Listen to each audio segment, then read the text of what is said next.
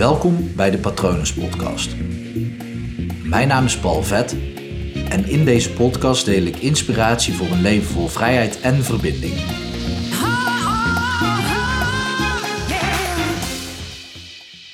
Geloof jij in wonderen? Ik begin veel te enthousiast aan deze aflevering, terwijl ik juist over iets wil spreken wat misschien niet zo'n heel leuk onderwerp is. Uh, tenminste, niet het verhaal wat ik erbij vertel. Maar op een gegeven moment liepen mijn moeder en ik bij de arts naar binnen. En de arts die vertelde haar meteen: Ik heb slecht nieuws. U heeft niet lang meer te leven, maximaal een jaar. En ik zelf schat maximaal acht maanden. Dus van mijn enthousiaste stem naar dit onderwerp is misschien wat heftig. Uh, misschien voor jou wel. Ik kan hier heel luchtig over praten. Ik heb dit allemaal uh, verwerkt. Um, eigenlijk al tijdens, de, um, ja, tijdens het ziekbed van mijn moeder. Terwijl, ja, ik wilde dat net ook opschrijven, het ziektebed of ziekbed van mijn moeder. Terwijl ze eigenlijk niet echt ziek in bed heeft gelegen. Um, in de jaren daarvoor heeft ze uh, een aantal keer kanker gehad. En um, heeft ze na bestralingsperiodes of tijdens de chemo natuurlijk wel in een ziekbed gelegen. Even om de kuur te krijgen. Maar mijn moeder is altijd bezig geweest. Uh, mijn moeder was heel krachtig en dat was ook haar probleem. Um, want in haar leven heeft ze heel veel geleden. Zij heeft uh, ja, echt een leven vol lijden gehad. Uh, maar doordat ze zo krachtig was, kon ze doorgaan. Ja, dan is de vraag: is het dan gek dat je kanker krijgt? Um, dat is een vraag die wel bij mij speelt in ieder geval. En ook iets waar ik later, als ik ja, daar meer over weet, meer over geleerd heb, meer over bestudeerd heb, meer over heb gesproken met artsen en medici, uh, nog wel eens iets mee wil doen. Uh, maar voor nu gaat het erom dat mijn moeder, die, die kreeg tegelijkertijd met mij te horen dat zij niet lang te leven zou hebben. En um, ja, die arts die vertelde haar gewoon, oké, maximaal acht maanden.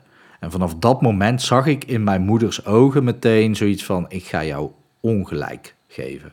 Ik ga het ongelijk van wat jij nu zegt bewijzen. En dat deed ze, want uiteindelijk, die man zei dus, ja, ik zelf schat acht maanden en mijn moeder leefde nog ruim anderhalf jaar.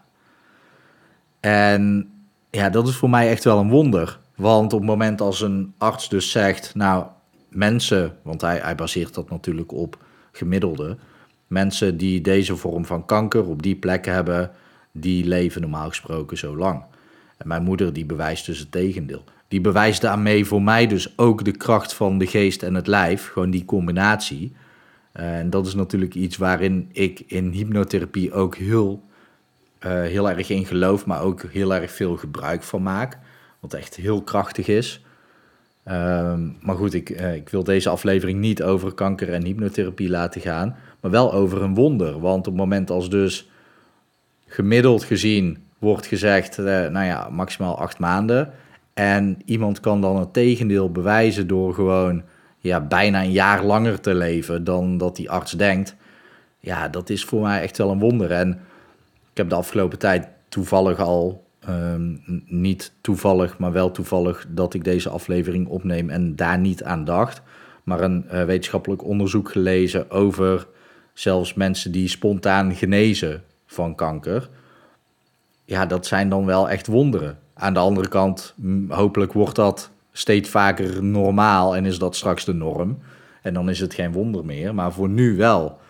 En dat is interessant, want op het moment als je zelf ook open staat voor een wonder. Mijn moeder stond heel erg open voor het wonder dat ze langer zou leven dan wat die arts zei.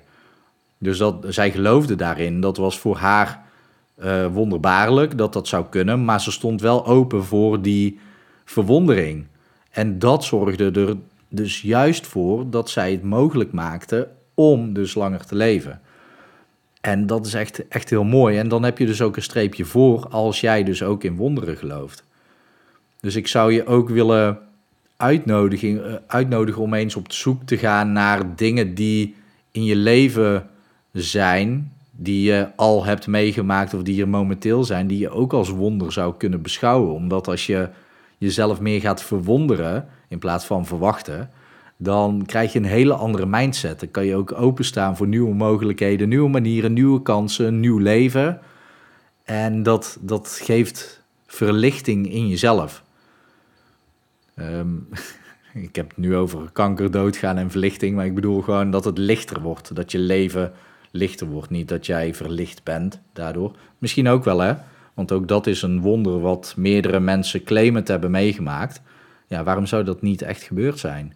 Waarom zou een Boeddha niet echt verlicht kunnen zijn? Misschien was dat wel. Hij schrijft er wel over dat, uh, dat mensen hem zo benaderden van... wow, bent u een tovenaar of bent u God? Of nee, ik voel me verlicht. En uh, ja, dat bent u ook, alleen u ziet het nog niet. Dan ga je echt de filosofische kant op. Um, maar ik bedoel dus gewoon het, het lichter. Dat, dat maakt je leven lichter op het moment dat je dus kunt geloven in wonderen... en ook open staat om jezelf te laten verwonderen. Want ja, wat ik zeg, dan sta je gewoon open voor nieuwe manieren, nieuwe mogelijkheden, een nieuw leven. Um, ja, en op het moment dat je deze, deze podcast luistert, is het of, weet ik, vanuit uh, professioneel vlak, dat mensen het luisteren om ook gewoon te sparren over deze onderwerpen. Maar op het moment dat je dit luistert om juist door je probleem heen te werken, ja, dan kan het je dus heel erg helpen om open te staan voor dat wonder, voor die mogelijkheden tot wonderen.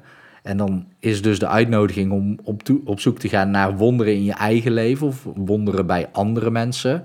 Dat je daar eens naar gaat zoeken of ga, over gaat lezen. En ja, je daar eens mee gaat verbinden. Want dan merk je dus dat je zelf gewoon een stuk lichter in je leven kunt staan.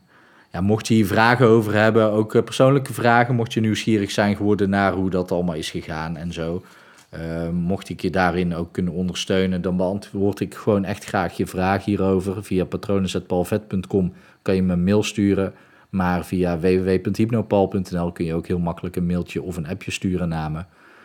Um, via Instagram, hypnopal.nl kun je me volgen. Op LinkedIn mag je me gewoon toevoegen. Gewoon uh, zoeken onder Paul Vet. Hypnopal.nl vind je daar denk ik niet.